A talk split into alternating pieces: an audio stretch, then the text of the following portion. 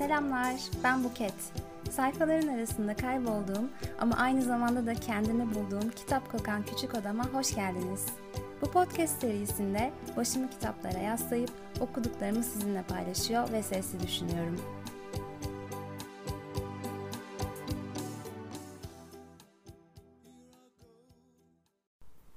Selam sevgili küçük ada sakinleri, ne yapıyorsunuz?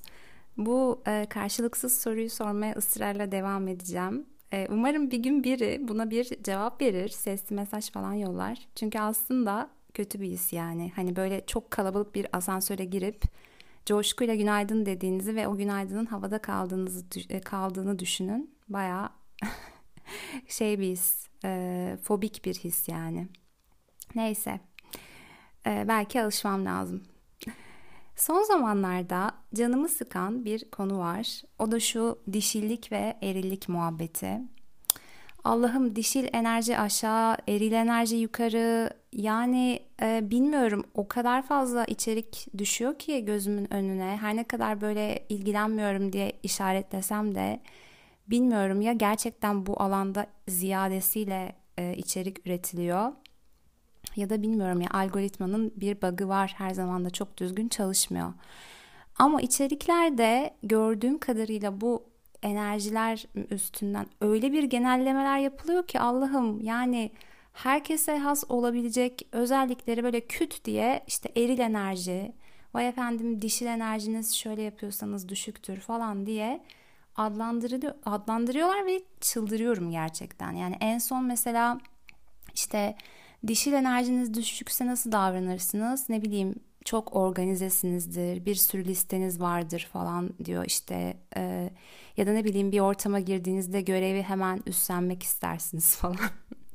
yani o kadar komik ki hani böyle proaktivite falan diyebileceğimiz ya da yani böyle gayet organizasyonel skillleri gelişmiş falan diyebileceğimiz e, özellikleri çat diye böyleyse dişil enerjiniz düşüktür diyorlar. Geçiyorlar gerçekten e, sinirleniyorum. Sonra dedim ki kendi kendime çıldırmaya gerek yok. Biz bunu konuşalım. E, güzel de bir podcast programım var. Bunun için var. Bunu bir konuşalım. Bir de e, kitaplığımın önünde duruyordum geçen. Şöyle bakıyorum falan. Sapık gibi. İşte kitaplarımı gözden geçiriyorum. E, gözüme Yusuf Atılgan'ın Canistan'ı ilişti e, kendisinin okumadığım tek kitabıdır. E, hatta e, kendisi de bu kitabın üstüne çalışırken kalp krizi geçiriyor Moda'daki evinde ve vefat ediyor 1989 yılında. E, Canistan'ı görünce dedim ki neden biraz Yusuf Atılgan konuşmayalım? Çünkü Yusuf Atılgan hem biraz e, bana kalırsa underrated e, kalmış yazarlarımızdan çok fazla konuşulan yazarlarımızdan değil. Hem de aslına bakarsanız toplumsal cinsiyet konusunda böyle çok güzel, çok şık eserler vermiş ve de eserlerinde cinsiyet ve cinsellik konularını çok açık bir şekilde işlemiş yazarlarımızdan biri. E ben de bu dişil enerji, işte eril enerji falan deyince Zaten bence kök nedenine, nedenine indiğimiz zaman orada da yine karşımıza toplumsal cinsiyet meselesinde kadına biçilen rolde e, gördüğümüz sıkıntılar çıkıyor. O yüzden dedim ki tamamdır tam yeri tam zamanı. E, bu bölümde birazcık Yusuf Atılgan konuşacağız. E, dolayısıyla toplumsal cinsiyet meselesine de bu e, dişil eril muhabbetlerine de değineceğiz. Bir de çok kısa kendisinin bu konuyla bağlantılı benim okumaktan çok zevk aldığım, e, çok takdir ettiğim bir öyküsünden bahsedeceğim. Hepiniz tekrar hoş geldiniz. Evet, e, Yusuf Atılgan'ı tanıyanlarınız yüksek ihtimal Aylak Adam kitabıyla ya da belki Anayurt Oteli ile tanıyordur. E, zaten diyeceksiniz ki başka kitabı var mı? Evet, başka romanı yok gerçekten. bir de Canistan işte. Ama az sonra bir tanesinden bahsedeceğim gibi çok güzel hikayeleri de var. Fakat maalesef yani hikayeleri de çok fazla tanınmıyor Yusuf Atılgan. Gördüğünüz gibi az sayıda ama bence nitelikli diyebileceğimiz eserlere imza atmış bir sanatçımız. Kendisiyle yapılan söyleşilerden birinde söylediği gibi yazdığından daha fazla okurmuş ve çoğu zaman da okumayı yazmaya tercih edermiş. E, hatta biraz da zor yazdığını söylüyor başka bir konuşmasında.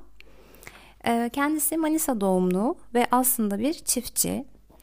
Daha doğrusu babasının vefatından sonra e, bir süre çiftçilik yapmış ve 1952 yılında bırakmış. Bir arkadaşına devretmiş işlemesi için toprağını.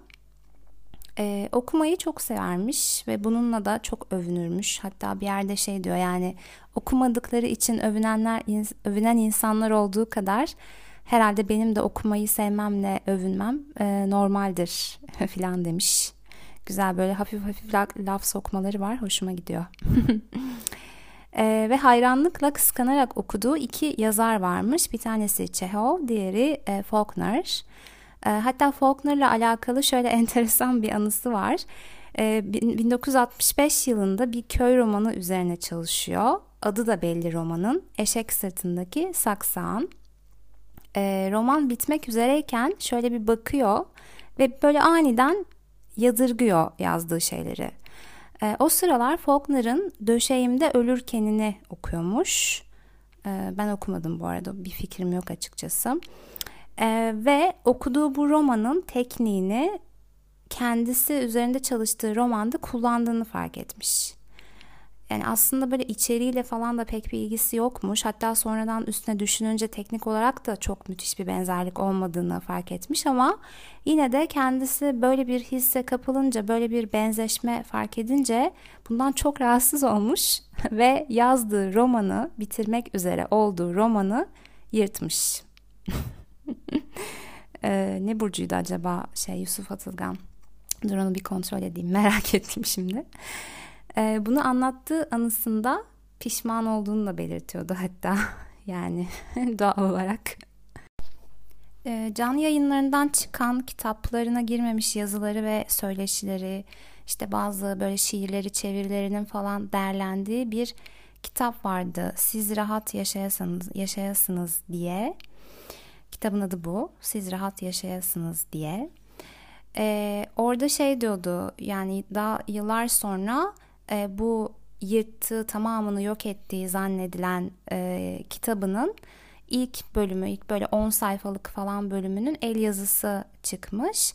Bu bahsettiğim can yayınlarından çıkan kitapta da e, o kısım, o metnin e, hatta Murat Belge'nin değerlendirmesiyle e, beraber bir bölümü var. Yani orada bulabiliyoruz sadece o e, şey 10 sayfalık kısmını.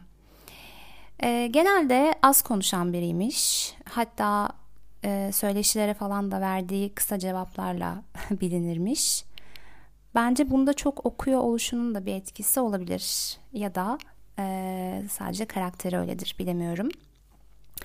E, yazılarında cinselliğin ön planda oluşuyla ilgili ilginç bir açıklaması var. Diyor ki köy çocukları çok küçükken bile cinsellikle iç içedir hayvanlarla sık sık karşılaşmak, işte kızlı oğlanlı evcilik oyunları falan oynamak. E, bütün bunları gözlemlediği ve bunların içinde büyüdüğü için herhalde yazılarımda cinsellik teması belki buradan geliyordur demiş.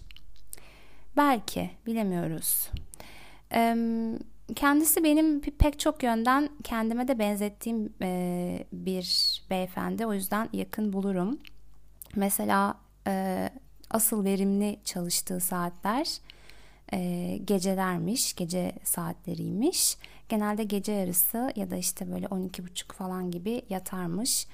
Gündüzleri pek bir şey yazamaz, yazamazmış. E, kendisi de Ahmet Hamdi Tanpınar'a gerçekten hayran. Ben gibi. E, ve en büyük şansının 3 yıl Tanpınar'ın öğrencisi olmak olduğunu söylüyor. İşte o kendisinden ders aldığı dönemlerde Recaizade'den Proust'a, Gayda, iyi müziğe falan dair e, derslerin ve ara sıra beraber yaptıkları özel konuşmaların kendi yazarlık mizacında büyük etkisi olduğunu söylemiş. E, bir de öğretmenlik yapmış bir dönem. Ee, ve bir söyleşisinde kendisine dünyaya bir daha gelseydin yine roman mı yazmak isterdin diye sormuşlar. O da öğretmen olmak istediğini ve öğretmenliği çok sevdiğini söylemiş. Bu arada öğretmenlik konusuna niye bu kadar sempatik bir sesle tepki verdim? E, çünkü çok yeni e, bir küçük kendimce öğretmenlik deneyimim e, oldu ve olmaya devam edecek. Gerçekten tatmini çok yüksek bir meslek olduğunu düşünüyorum. Özellikle karşınızda hani sizden bir şeyler öğrenmeye çok hevesli, e, sizin anlattığınız şeyleri işte hayatında bir yeri değiştirmek için e, kullanan o, o kişiye bir şekilde o hayatına dokunmanız, o his çok böyle e, somut bir şekilde öğretmenlikte mevcut yani onu aynı anda görebiliyorsunuz karşınızdaki öğrencinin işte yüzünde tepkisinde falan. O yüzden bence tatmini çok yüksek ve çok değerli bir meslek yani. E, ben de okul destek derneğinde bir e, gönüllülük yapıyorum. Şimdi yeni dönem başlayacak. Ortaokul e, öğrencilerine İngilizce dersi. Yani müthişler, çok tatlılar. Hani Yusuf Atılgan'ın e, bu mesleği ne kadar sevmesi ve bunu tekrar dünyaya gelsem yani tekrar bu işi yapardım değişinde e, ilk okuduğum zaman ilk böyle bir tecrübem yokken böyle hissetmemiştim. Hani şu an gerçekten onu hissediyorum ne demek istediğini. O yüzden onu söylerken sesime de yansıdı. Şimdi gelelim evdeki öyküsüne. Evdeki e, Yusuf Atılgan'ın yayımlanan ilk yazısı aslında ve tarih 1954. Tercüman gazetesinin yarışmasında birinci, birincilik alıyor bu hikaye. Ee, ama aslında Yusuf Atılgan bu hikayeyi Nevzat Çorum adıyla göndermiş gazeteye. Ve komik olan tarafı da şu, aynı yarışmada kendisinin başka bir isimle yazdığı bir başka öyküsü de derece alıyor. Yedincilik almış ee, ama onu da başka bir isimle yazmış. Ziya Atılgan'dı galiba öyle bir şeydi. Onu tam hatırlayamıyorum şu anda. Evdeki öyküsü çok kısa bir öykü. E, fakat bir o kadar da çarpıcı. Benim bu podcast'imi dinlemeden önce okuyanların bunu dinledikten sonra ne hissedeceğini hakikaten merak ederim. E, çünkü ben hikayeyi ilk okuduğumda e, ve hikayeyle alakalı bir inceleme okuduktan sonraki okuyuşumda o ikisi arasındaki iki okuma arasındaki e, fark hakikaten çok büyüktü. E, şu an bu toplumsal cinsiyet çerçevesinden bir şeyler anlattıktan sonra size o gözle bir bakış açısı, o yönden bir bakış açısı sunduktan sonra okursanız oradaki detaylar çok daha farklı sizde e, yankılanır bence diye düşünüyorum. Ben de öyle olmuştu. E, öykünün merkezinde hayatının böyle sınırları, içinde yaşadığı kasaba ve oradaki insanların ortaya koyduğu değerlerle çerçevelenmiş bir kadının evdeki izole ve etrafına yabancılaşmış bir varoluş mücadelesini görüyoruz. Yani en temel şekilde konusunu böyle anlatabilirim. E, tatlı kısmı şu aslında öykünün en başında e, karakterin hemen bir kadın veya erkek olduğu söylenmiyor. E, çocukken e, yüklenen o özel kız çocuklarına çocukken yüklenen o anne ve eş ol, olma rolünü rolü üstünden aslında cinsiyetini anlıyoruz. İşte pencereyi seyreden bir kadın var e, çocukluğunda aynı pencereden top oynayan çocukları seyrettiğini hatırlıyor bir anda e, ve annesinin ona kız koca mı arıyorsun orada deyişiyle böyle bir kendine geliyor ve utanıyor. Utandığını düşünüyor. Hikaye böyle başlıyor. Çok kısa bir hikaye. Böyle alıntı yapa yapa anlatmayacağım. Çünkü öyle anlatırsam hikayeyi de istemeden anlatırım. Hiçbir büyüsü kalmaz. Ee, burada bitireceğim hatta. Buradan yani asıl e, mevzuya doğru gelmeye başlıyorum. Bu dilimize yerleşmiş, dolayısıyla bakış açımızı da, düşüncelerimizi de yönlendiren e, bazı kelimelere dikkatinizi çekip en azından hem cinslerime birazcık daha böyle bir farkındalık oluşturmak istiyorum. Çünkü o kadar yerleşmiş ki bu kalıplar inanın kendimde de insanlarla konuşurken kendimi bunları böyle hiç düşünmeden doğal bir şekilde ve daha da kötüsü bana doğal gelen bir şekilde kullandığımı fark ediyorum. En hani korkutucu tarafı bu. E, o yüzden biraz bunlardan konuşayım dedim. Yusuf Atılgan ve öyküsü de bahane oldu. E, giriş sahnesini bahsettim ya işte kız koca mı arıyorsun orada diyor annesi filan. E, yani bu koca aramak işte koca bulmak gibi tabirleri artık toplumun hangi kesiminden olursanız olun hiç duymamış bir kadın olmadığını tahmin ediyorum yani. Hani e, doğru bir cümle mi kurdum acaba? Duymamış kadın yoktur yani. Hiç kimseden duymadıysanız aile büyüklerinizden biri mutlaka söylemiştir. Çünkü yaşadığımız toplumda bir kadının eşi olması bir tür başarı faktörü. Ya bakın şu, şöyle bir şey duydum ben kendi jenerasyonumdan, kendi yaş grubumdan birinden. İşte e, bir kadından bahsediliyor. Yani çalışan, eden, işinde, gücünde belli bir noktaya gelmiş bir kadından bahsediliyor. E, diğeri ona diyor ki ama o da işte evlenemedi. E, şimdi cümleye hani çok dikkat edin. Evlenemedi. Evlenmedi demiyor. Evlenemedi diyor. Yani burada zaten çok açık bir şekilde şeyimize işlemiş o içimize. Çünkü bu hayatta bir şey aşılması gereken ne derler bir adım yani. Hani işte okursun, üniversite biter, işe girmen lazım, sonra da evlenmen lazım. Evlenince çocuk. Klasik hikaye işte herkesin aslında bir yerlerde serzenişte bulunduğu ama aynı şeyi de mutlaka en yakınında olsa bile başkasına yaptığı bir konu. Biliyorsunuz hepiniz. ee, evlenemedi. Yani bunun e, o kişinin bir tercihi olabileceği gibi bir ihtimal zaten yok. Çünkü yani öyle bir şey mümkün değil. Neden olsun? Yani aslında buradaki sorun kadının bir eşi olması fikri değil de dediğim gibi. Yani ki ben fikir olarak asla evliliğe veya işte e, eş olayına, partnerliğe vesaire hiçbir şekilde karşı olmayan, son derece yanında olan bir insanım. Burada sorun zaten bu değil. Fikrin kadına dayatılıyor oluşu. Ee, ve az önce bahsettiğim bu iki tabir e, pek çok atasözü, birazdan birkaç daha örnek vereceğim, işte ifade dilimize yerleşmiş vaziyette. Dolayısıyla zaman içerisinde kadının toplum içindeki rolünü, cinsiyetini keskin bir şekilde sınırlamış. Öyle bir toplumsal cinsiyet biçmiş ki kadın için çok sınırlı ve hiç hoş değil.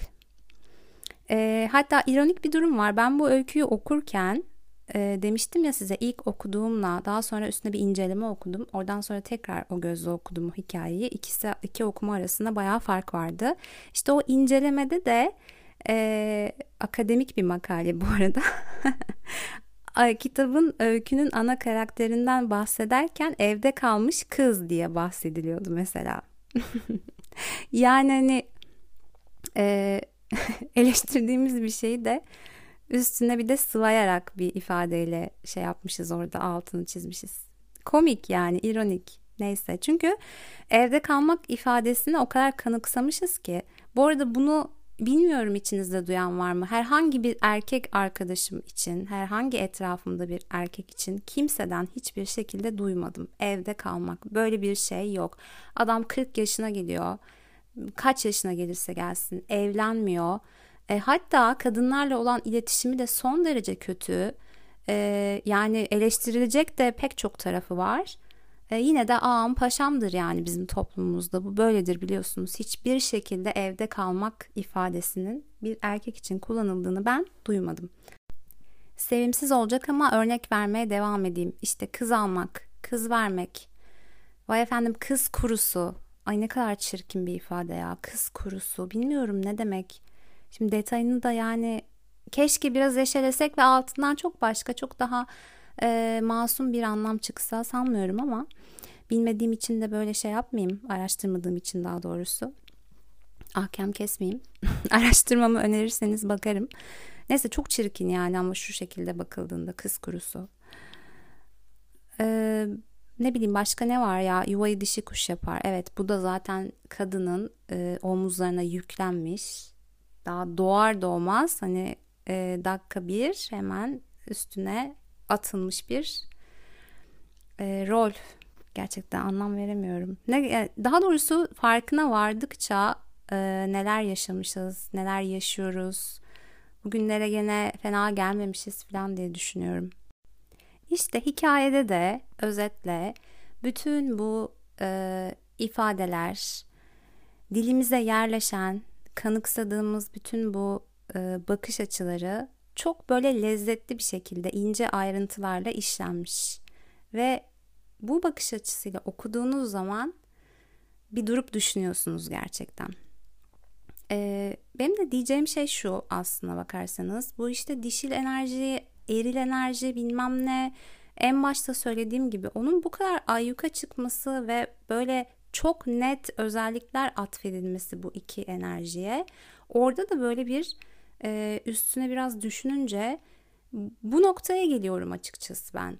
Yani böyle hani e, erkeklere atfedilen işte iş hayatında başarılı olmak, ne bileyim e, çok yönlü olmak, işte görevleri üstüne almak, organize olmak. Bu arada her erkek kesinlikle böyle değil. Keşke bu kadar fazla böyle özellikleri olan çok fazla erkek olsa.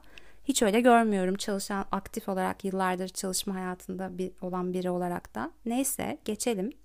Ama mesela podcast'e başlarken, bölüme başlarken ilk bahsettiğim şeyde de Reels'ta da bu söyleniyordu. Bunlar işte eril enerjiymiş efendim, dişil enerjisi düşük kadınlar böyle olurmuş filan.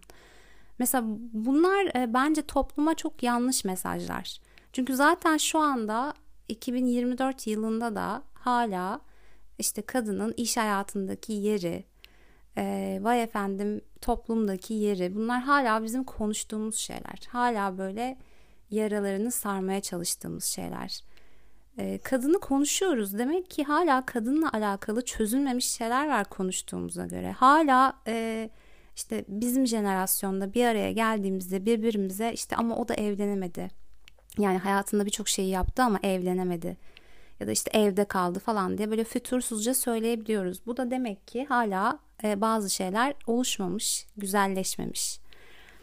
O yüzden ben de bu bölümde birazcık işte dişil enerjiden, eril enerjiden girip e, bir şeyler anlatırken neden onu öyle kullandığımıza bir değil iki defa bir üstüne düşünelim demek istiyorum sadece yani. Bir mesaj veriyorsam eğer mesajım böyle olsun hakikaten. Özellikle hem cinslerime. Çünkü bazen bunu hem cinslerimde daha fazla gözlemliyorum ben. Ee, özellikle teyzelerimiz, efendim annelerimiz, e, kendi annemden hiçbir kere bile böyle bir şey herhangi biri için de duymadım. Bir kendim için zaten duymadım. E, ama hani o jenerasyon için bir duralım ya bir uyaralım bir şey yapalım. Keşke de dinliyor olsalar hedef kitlem içerisinde oluyor olsa. Ee, evlenmek kadar evlenmemek de bir seçenek bir tercih olabilir. Dolayısıyla bir insanın medeni durumu üzerinden e, kendisiyle ilgili bir yorum yaparken ki bu zaten e, yurt dışında e, şu an İngiltere için konuşabilirim bu son derece özel bir konudur. Yıllarca insanlar gerçekten abartmıyorum bu arada. Yıllarca beraber çalışıp da medeni durumu işte e, bir partneri mi var yoksa resmi olarak biriyle evli mi? Ne kadar zamandır evli? Bunu bilmeyebilen insanlar var. Yani bilmek zorunda hissetmiyor. Yani bu konuya hiç girmemişler, detayını çok konuşmamışlar konuşulmamalı demiyorum. Yani hani bu kadarı da bazı toplumlar için abartılı olabilir vesaire ama söylemeye çalıştığım şey e, bu konuda bir saygı var ve insanların hani o seçimlerine dair bir e, bilinç var. Yani o konularda belli konularda insanlara soru sorulurken o konuda yorum yapılırken üç defa beş defa düşünüyorlar. E, o yüzden Son olarak programı kapatırken diyorum ki biz de özellikle şu toplumsal cinsiyet meselesinde hala yaralı olduğumuz meselede bir tık daha özenli olalım birbirimize karşı ve tabii ki okuyabilirseniz, edinebilirseniz mutlaka Yusuf Atılgan'ın e, bu öyküsünü de bir okuyun derim. E, sanırım yine can yayınlarından çıkan bendeki öyle olmalıydı. Şu an kitabımı göremedim etrafta ama e, Bütün Öyküleri diye de bir e, kitap vardı. Oradan kendisinin öykülerine ulaşabilirsiniz. E, şiddetle tavsiye ederim. Her zamanki gibi iyi ki buradaydınız. Dinlediğiniz için teşekkür ederim. Bir sonraki bölümde görüşmek üzere. Kendinize iyi bakın.